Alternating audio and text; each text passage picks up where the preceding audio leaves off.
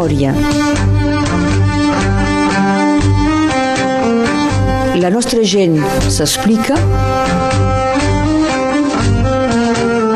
Berenguer Ballester.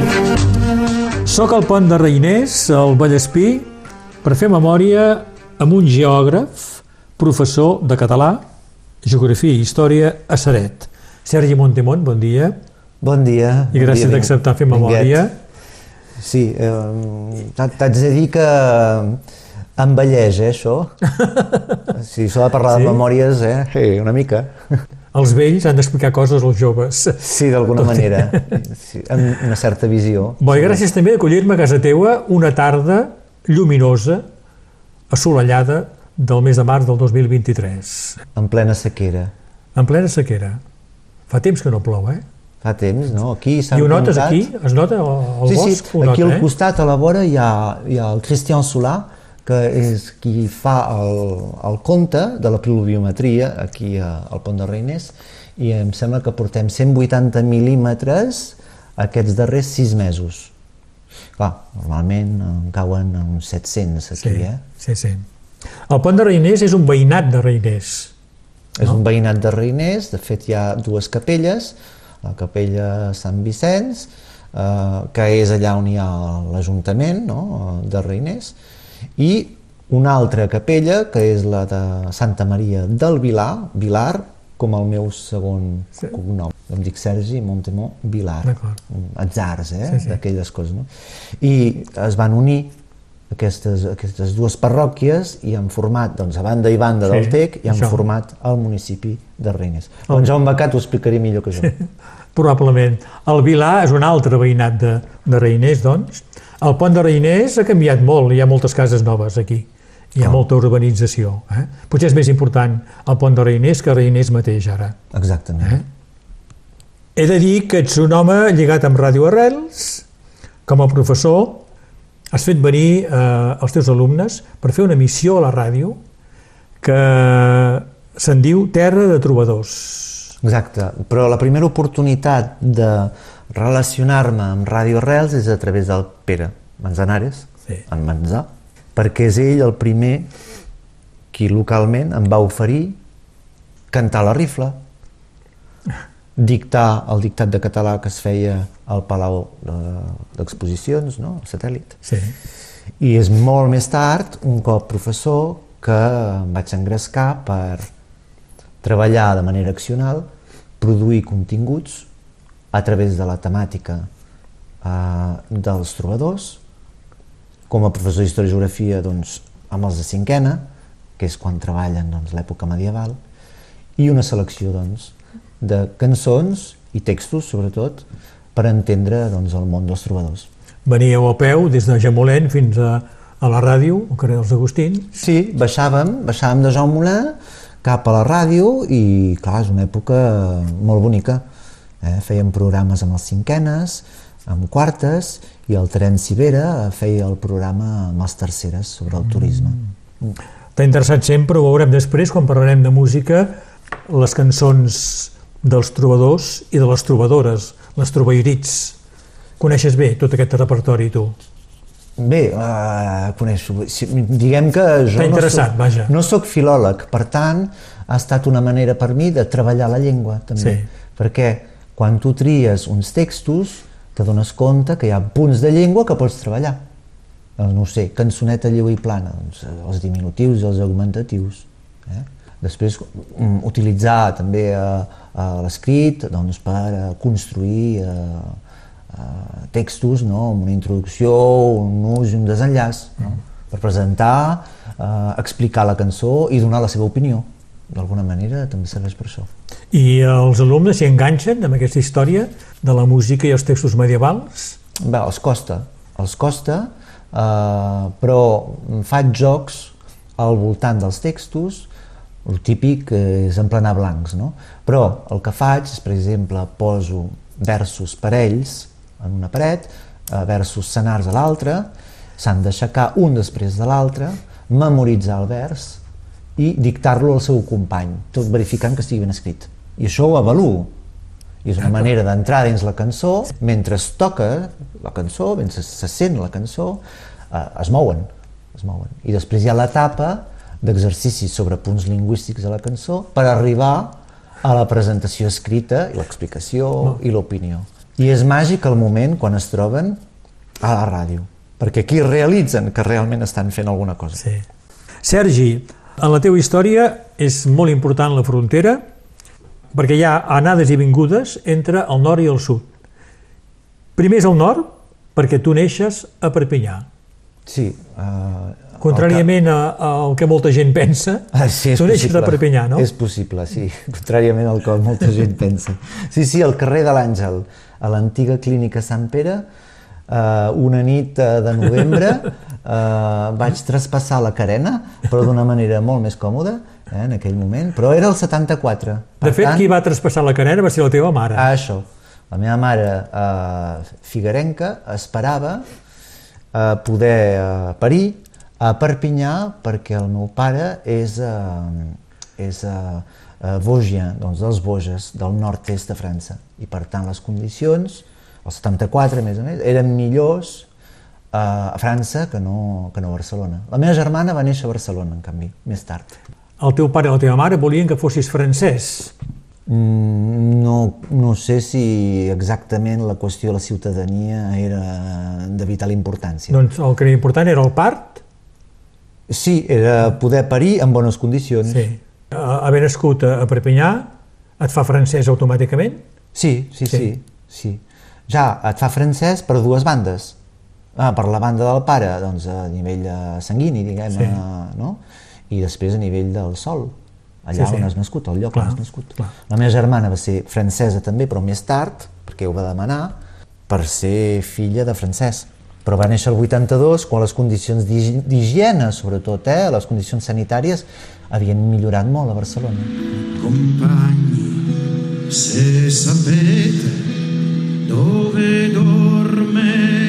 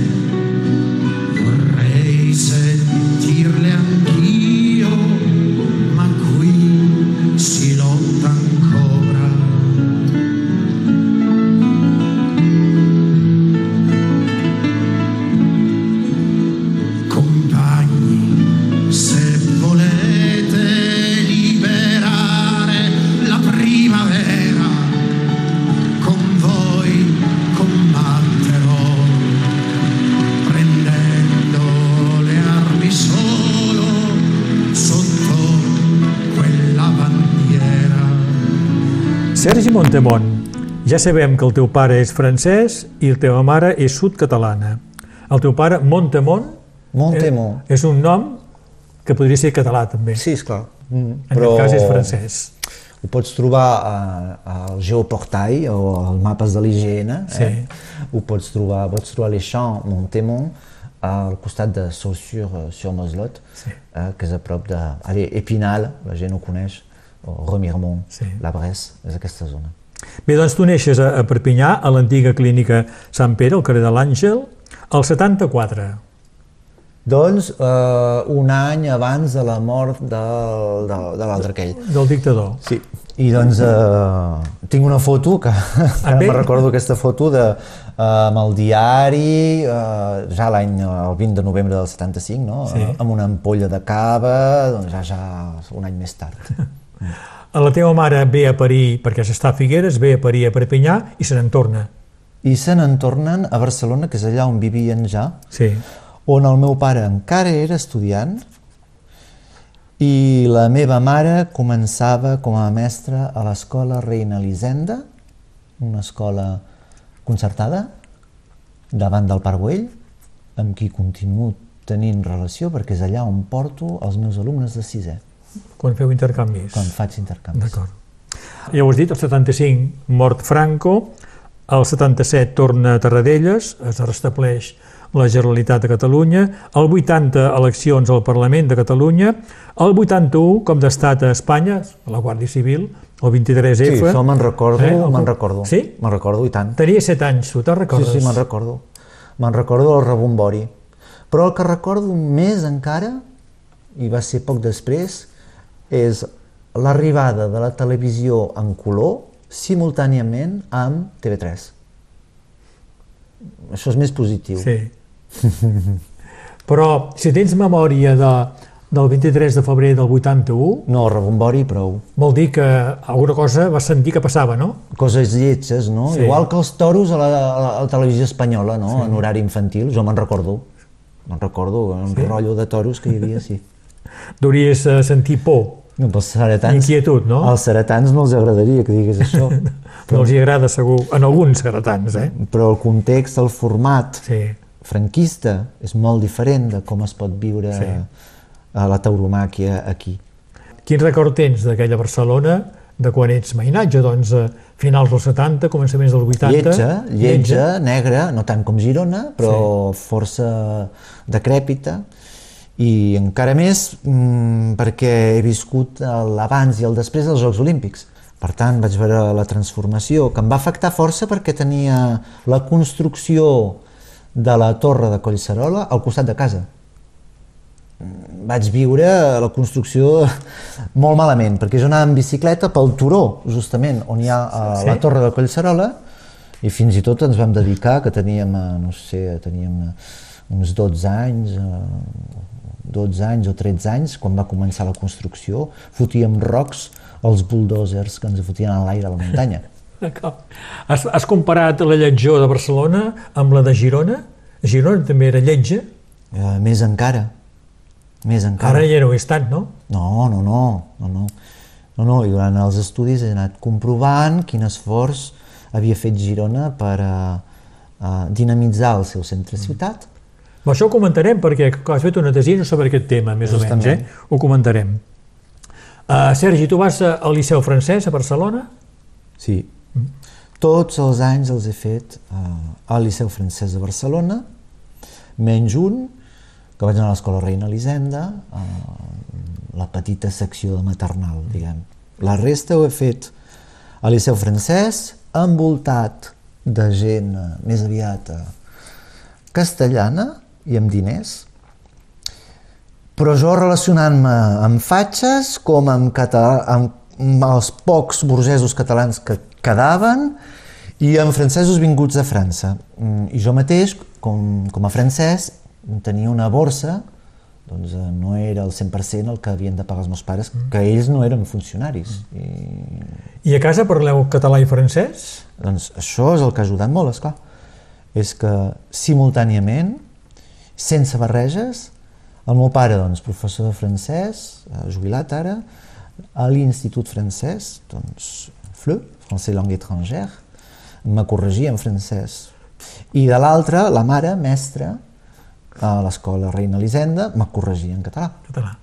I cadascú parlava la seva llengua. La meva mare parlava en català, el meu pare parlava en francès. Sense barreges. I tu sabies distingir les dues llengües ja, ja des de petit? Clar, i al Liceu Francès, doncs també, clar, fas, eh, eh, tens un programa específic de llengua, literatura, eh, civilització en castellà i en català, que no és el programa francès, sí. és a més a més, per la selectivitat. I a més a més parles alemany. Sí, això Sé que has anat a Alemanya per vacances i estudis i tot perquè teníeu uns veïns a Barcelona que eren alemanys. Exacte, doncs l'origen de l'alemany per mi són els meus veïns que arriben quan tenim 7 anys, i dic tenim perquè vam néixer ells bessons i jo el mateix dia, el mateix mes, el mateix any. I eh, ara farà doncs, eh, 41 anys que ens coneixem i encara els hem vist, encara ens hem vist fa poc, hem fet una calçotada. Eh? I clar, és el començament de la relació amb Alemanya, primer de vacances, després eh, treballant els estius en una gelateria italiana a Alemanya. Alemanya i després eh, fent una part de la tesina i doncs anant a classe, fent enquestes al carrer, fent enquestes als serveis d'urbanisme, als serveis universitaris, en, en alemany, clar. I, i com s'aprèn alemany amb uns veïns alemanys? Que et parlen alemany, ells? No, però comences a, com molts nord-catalans, com és que parlen català? Doncs perquè primer l'han sentit molt, l'han mamat, no? l'han sentit, potser no han tingut ocasió de tenir-lo a l'escola, però com que l'han tingut de manera passiva, aleshores els ha permès més tard d'aprendre'l. Sí. És el que m'ha passat a mi Vas estudiar alemany, doncs. més tard. I vas treballar a Alemanya, ho has dit. al Goethe, a la Goethe, al Goethe Institut, a, a Barcelona, vaig fer un curs, quan era al Liceu francès encara.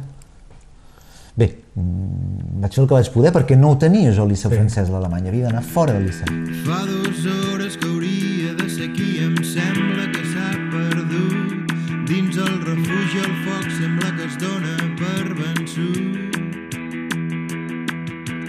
L'avorriment s'escampa i marceix les flors, mentre fora cada cop neva més, cada cop és més fosc. Lluny dins el bosc,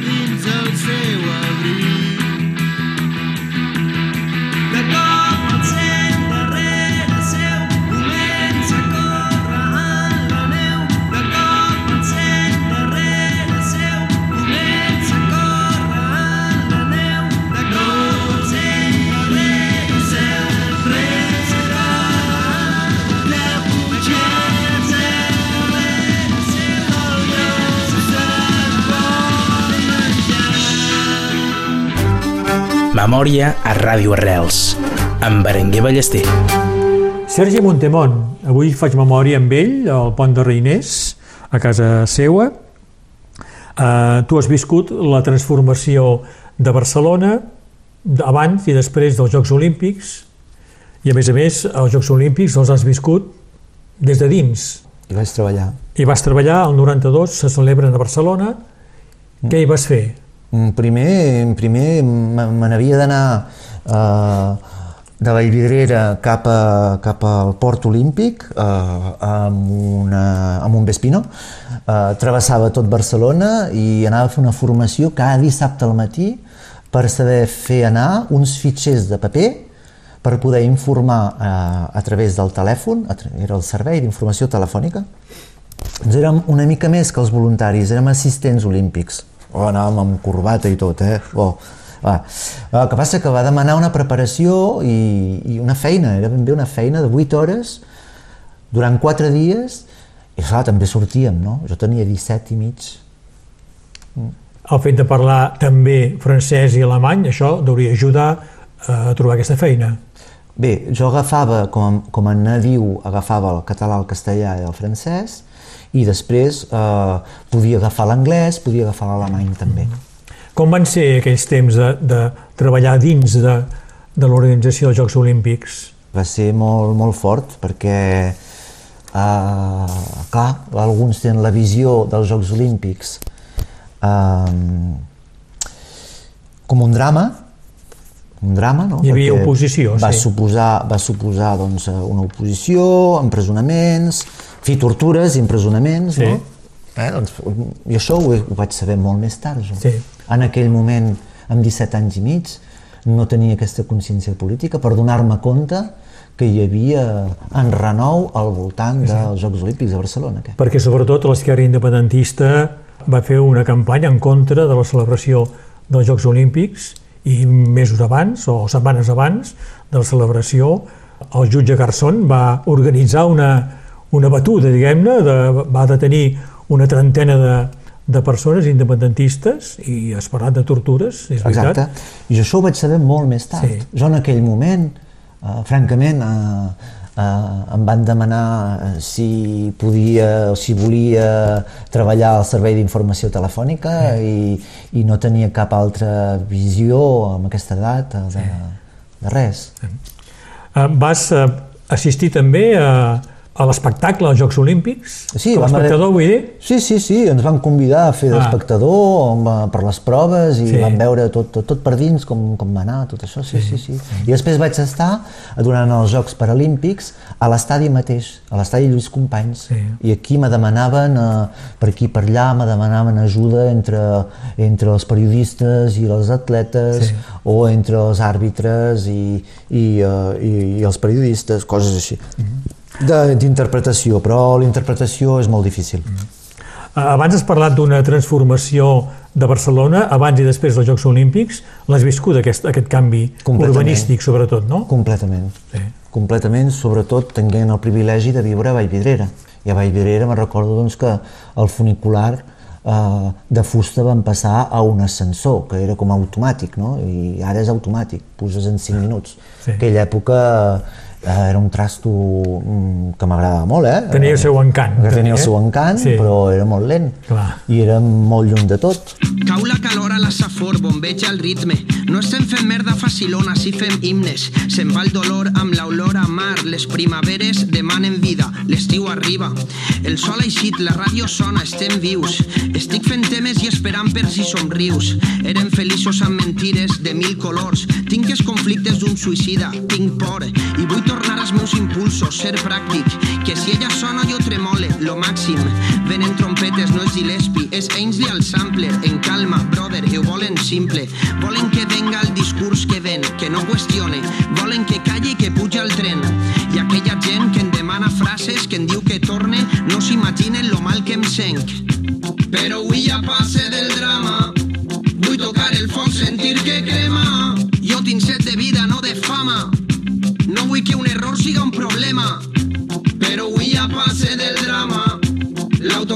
És una condena.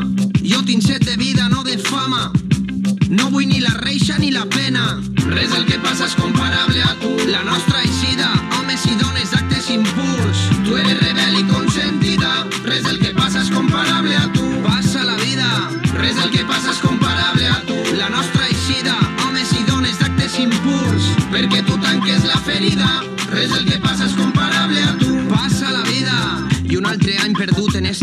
confusió vital, lluitant contra els dimonis que van per dins cridant, buscant guanyar-me la partida i perdre la raó, buscant que perga les forces, passa la vida i jo veig els majors i pense en tot el que es mereixen i baixa l'esperança i puja el pa. I amb esta perspectiva qui vol créixer, eh? Dubtes i dubtes, depressió ve i eufòria va. Que no serà per ganes de ficar les bombes, que serà per la por a perdre el que tenim. No censura el fons critica per les formes i us passen del tema i us filen massa prim. Volen que venga el discurs que ven, la porta en clara. Jo el que vull vendre és la victòria cara. Que vull mirar als ulls si un dia arriba l'hora.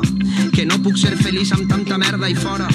Però avui ja passe del drama.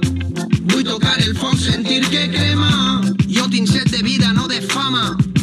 No vull que un error siga un problema. Però avui ja passe del drama. L'autocompassió és una condena. Jo tinc set de vida, no de fama. No vull ni la reixa ni la pena. Sergi Montemont, l'any 93, 1993, els Jocs Olímpics de Barcelona ja s'han celebrat, tu tens el BAC i decideixes venir a Perpinyà. Hmm. Què passa? Passa que n'estava fart de Barcelona. N'estava fart, s'aturava, estava amb massa coses, passaven massa coses. Ja havia viscut els Jocs Olímpics el 92, uh, ja, uh, vull dir, uh, quan ets en terminal uh, no pares, no pares, hi ha molta, moltes coses, no? I vaig arribar a un punt de saturació. I també volia marxar de casa, no? I Perpinyà era el lloc natural de, de Clar, marxar? em van dir, escolta, Perpinyà, Perpinyà, Montpellier no. I dic, molt bé, doncs Perpinyà, mira, anirem a Perpinyà. I era a la vora de Figueres, me permetia anar i venir a... Amb el Vespino no, ja no, ja va, en aquell moment ja tenia un scooter però de 80 centímetres cúbics i feia, anava i venia entre Perpinyà i Figueres. Buscaves, doncs, una vida més tranquil·la, vols dir? Sí, sí, sí, tant.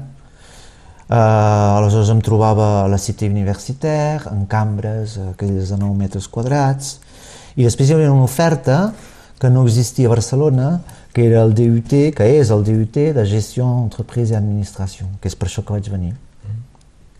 Volies fer això? Ja tenies idea del que volies fer a Perpinyà? No quan tenia, vens aquí? no Ah. tenia, bé, sí, no tenia ni idea del que volia ser, mm, els meus pares eren mestres, però, és clar, eh, no vols fer eh, no vols fer forçosament el que fan els pares.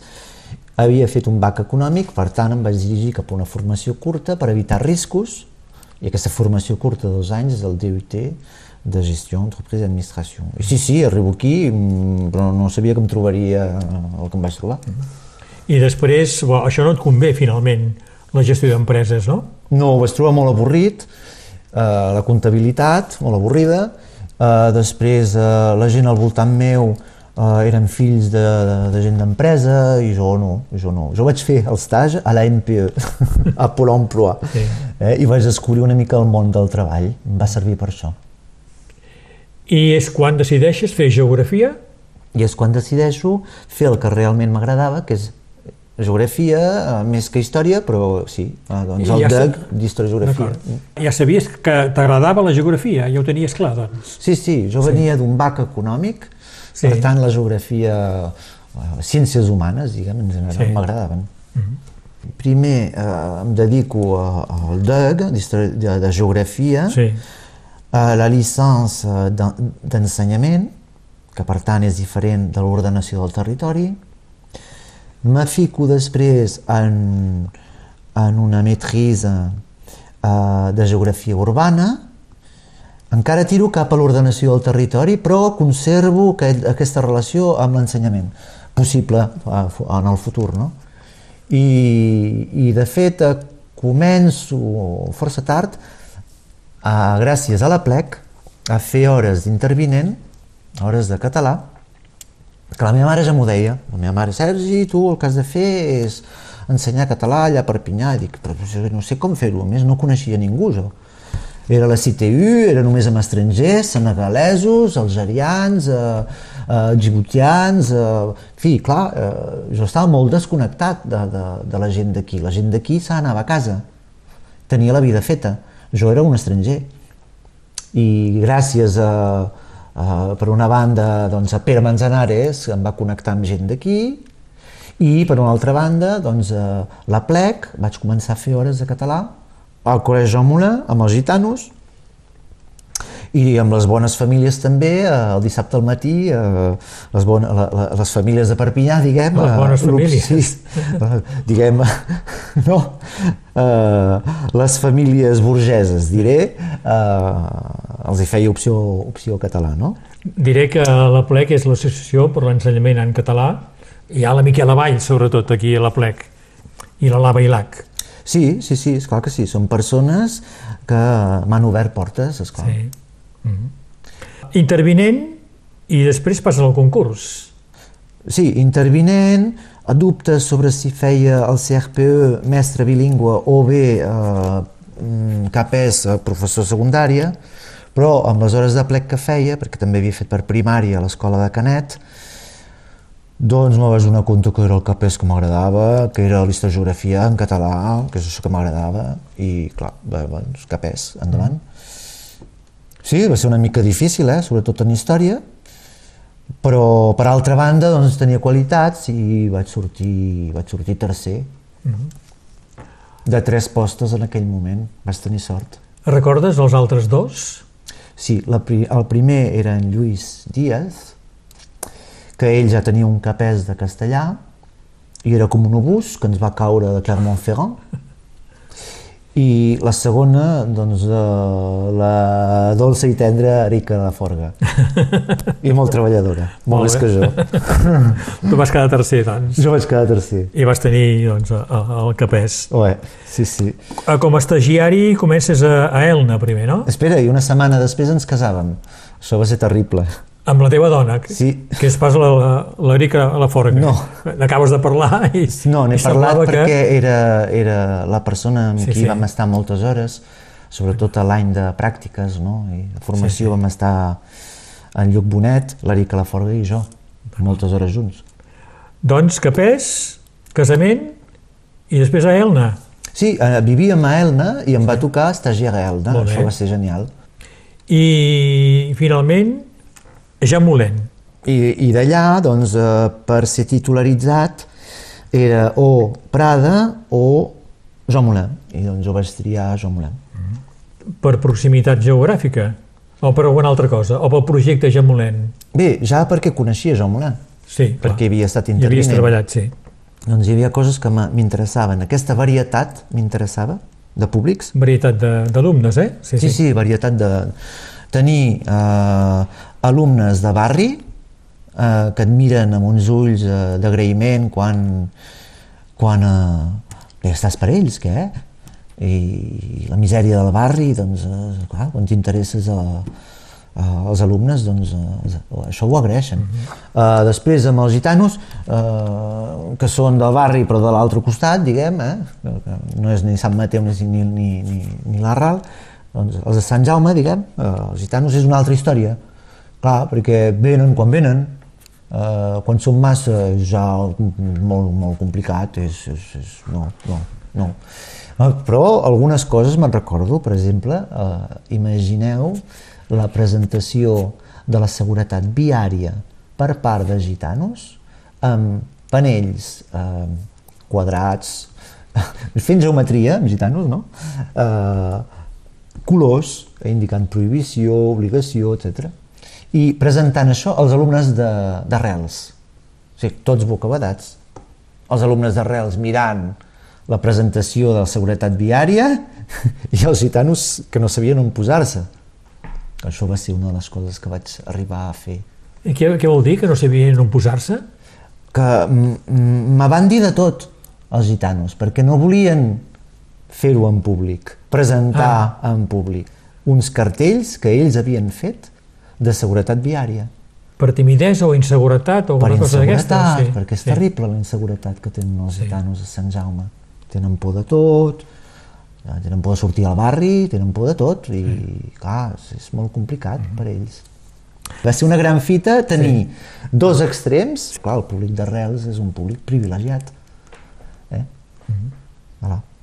Professor de Geografia i Història i de Català al Jean Moulin. És- Sí, i majoritàriament tenia les classes en llengua català, en història i geografia en català, però també tenia classes, com les classes del barri, de Sant Mateu de l'Arral, que Sí. eren alumnes que jo tenia en historiografia en francès. en francès.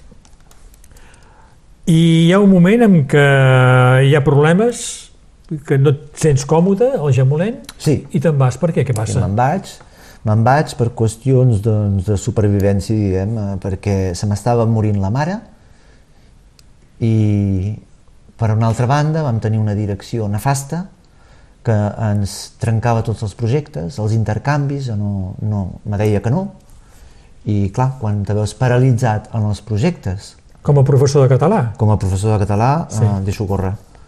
Vés-te'n, me'n vaig anar.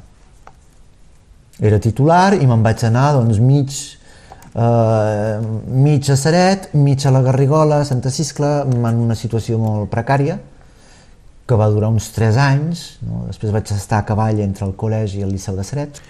Era la principal de, de Jamolent, que era contrari al català o no té res a veure? Era totalment contrària, és a dir, que ella potenciava el xinès, Sí. i, i, i mm, cínicament, cínicament feia veure que ens, que ens sostenia, però en fi, ja en coneixem molts així, eh? Sí. De, de, de principals. Eh?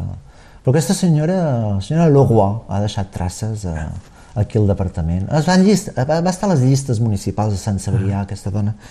Va ser, va ser nefasta, perquè no, no, no en sabia. I això que al Jamolent hi havia una filera catalana molt important aquí. Sí, en el moment que vaig marxar eh, crec recordar que pràcticament hi havia dues classes per nivell. Sí. I els alumnes de l'Escola Arrels venien normalment, passaven al Jamolent. Hi havia arrels, hi havia també tres vasos eh, amb el Comte Guifré en aquell moment, hi havia els alumnes de la Bressola, de Sant Galdric.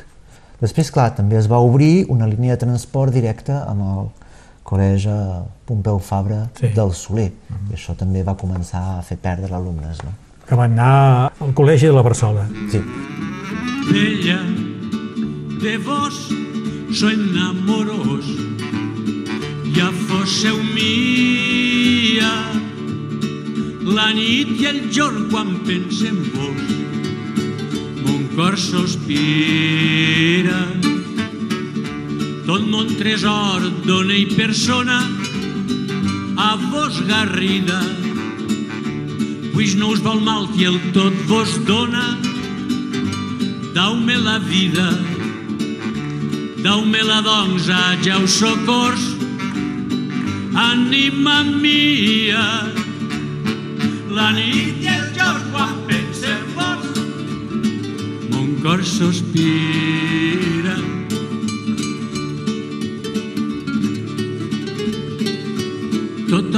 Nit que en vos estic he somiat i quan record sol sense abric troben burlat. No em burleu més dormant los dos ànima mia la nit i el jorn quan pense en vos mon cor sospira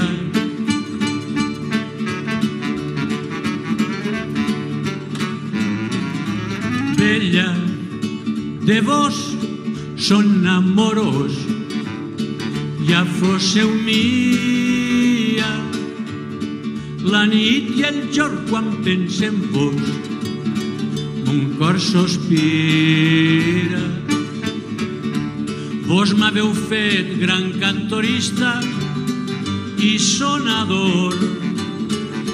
Vos ben criat, vos vell trobista componedor fort i valent també celós.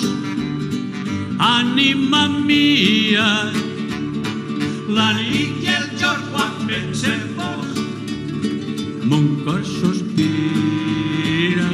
Sergi Montamont, al 98, doncs tens eh, 24 anys, presentes una tesina sobre vila i universitat, dinàmiques d'un centre vila universitari, estudi comparatiu, Friburg, Girona, Perpinyà. Sí, doncs eh, a mi el que m'agradava era la idea, eh, la dinàmica, diguem, del centre ciutat de Girona.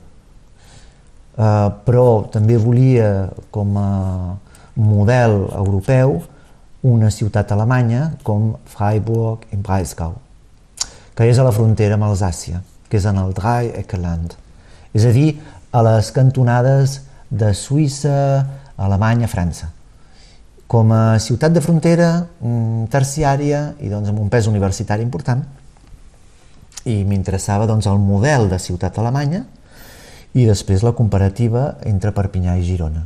I el desastre que encara encara és a Perpinyà, perquè l'Estat, eh, perquè els nivells eh, diguem, eh, regionals no han eh, donat oportunitats al barri, al barri de Sant Jaume, al barri de Sant Mateu, eh, la caserna, les casernes que a Freiburg, a Freiburg eren franceses, eh, es van transformar en habitatge social, habitatge universitari, habitatge mixta, amb una línia de, de tramvia que passava per allà.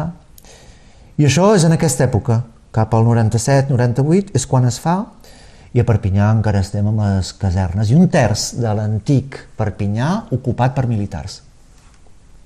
A Girona, en canvi, doncs, la sinergia entre el Joaquim Nadal eh, a l'Ajuntament i a la universitat va permetre de rehabilitar les àligues al convent de Sant Domènec en facultat LSH, Lettres Sciences Humaines. Cosa que encara no ho han fet a Perpinyà. Han posat el dret a Sant Jaume, haurien d'haver posat LSH. Bé, en tot cas, eh, són les dinàmiques d'un centre de ciutat, eh, quines possibilitats tens de barrejar poblacions, de crear eh, serveis, de crear eh, treball i, i de tenir eh, un patrimoni eh, digne, no? i no oblidat i obert tant tant per visar polimage. Bé, el que vull dir és que Freiburg no, no tenia, no té patrimoni històric, perquè va ser bombardejat, tot va ser reconstruït. Però l'interès de, de Freiburg és com a ciutat universitària moderna que té un campus i un, uh, una mensa, que es diu, no? un, una restaurant universitaire, en ple centre de Freiburg. Després tens una segona corona, que seria el mateix que Emili Graït a Girona, és a dir, un campus intermedi. I un altre més lluny, que seria Montilivi a Girona, i que només tenim aquest pràcticament, no?, Perpinyà, que és el molí de vent, perquè de fet els estudiants feien por. Per tant, les universitats a França van ser creades a partir dels anys 60 fora dels centres universitaris, perquè feien por. I no s'ha vist com una oportunitat per renovar centres antics. D'acord. Però ara el molí de vent es pot considerar dins ben bé de la ciutat de Perpinyà, no? Sí, però hi ha força desconnexió entre, eh, diguem, els residents del barri, els serveis del barri i la població estudiantil. N'hi ha una mica més que en aquell moment, que fa 20 anys. Compagni,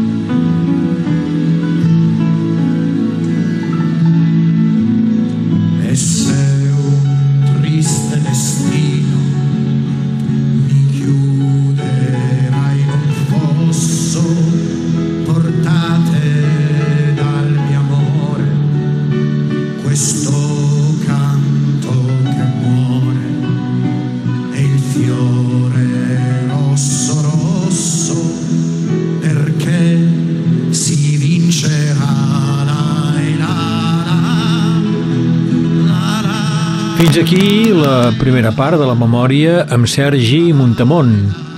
Sem al Pont de Reiners, al Vallespí. Les músiques que ens han acompanyat són les que ell ha volgut, com aquesta versió italiana de la cançó de Lluís Llach, Abril 74. Sí, la versió d'abril 74, no soc del novembre, eh? L'abril 74 d'Alessio Vega. No, la Lega, versió de, de la cançó de Lluís Llach, Sí, d'Alessio Lega. Le- Alessio Lega, exactament, D'acord. en italià. I em demanes també una cançó de Masoni. Masoni que vas eh, escoltar a Tuí, crec. Sí, eh, va ser uh, arran d'una d'una senyora que tenia el curs de català que jo feia a, a passar, feia un curs així uh, benèvol, eh? I em va dir, escolta, que hi ha un grup de música a tu i Masoni, i dic, "Ah, em sona això, i era el començament, eh, de quan feia els primers bolos, i sí, sí, el, va, el vam anar a veure junts. Molt bé. I el grup Zoo, Bé, el zoo, clar, és eh, el món barroc eh, de, de, del País Valencià, no? Orxata Sound Systems Sí, o sí. és aquest món no? que també m'agrada. I Raimon, ja has dit que havies anat al concert al Palau de la Música de Raimon, i em demanes Vella de Vos, que és la musicació d'un dels Vella de poemes. vos, son amorós. Sí. Sí, m'agrada especialment eh, la clarineta d'aquesta cançó. d'aquesta cançó. Sí. D'acord. No pas el text ni la musicació, sinó sí, el l'instrumentació. te- El, eh? text també, però Sí. clar, el Raimon potser guanya amb l'acompanyament musical que té i no tant per la seva veu. Recordo que has fet a Radio Arrels, els teus alumnes de Jean Moulin, una emissió Terra de Trobadors, és a dir que Exacte. aquí te, tenim un trobador, Vella de Vos. és, eh? un, és una cançó que justament és en, en el programa dels alumnes de Sant Quiema Sí. i que és en relació amb el programa d'història, els trobadors, i doncs d'aquesta manera practiquen el català. Mm. L'aprenen i el fan servir. Demà continuaré parlant amb ell dels Angelets del Vallespí, va ser el darrer cap de colla, del grup Veus Àsperes, i va cantar quan s'estava a passar, del grup de teatre El Galliner, hi participa, serà doncs demà a aquesta mateixa hora. Memòria. La nostra gent s'explica. Berenguer Ballester.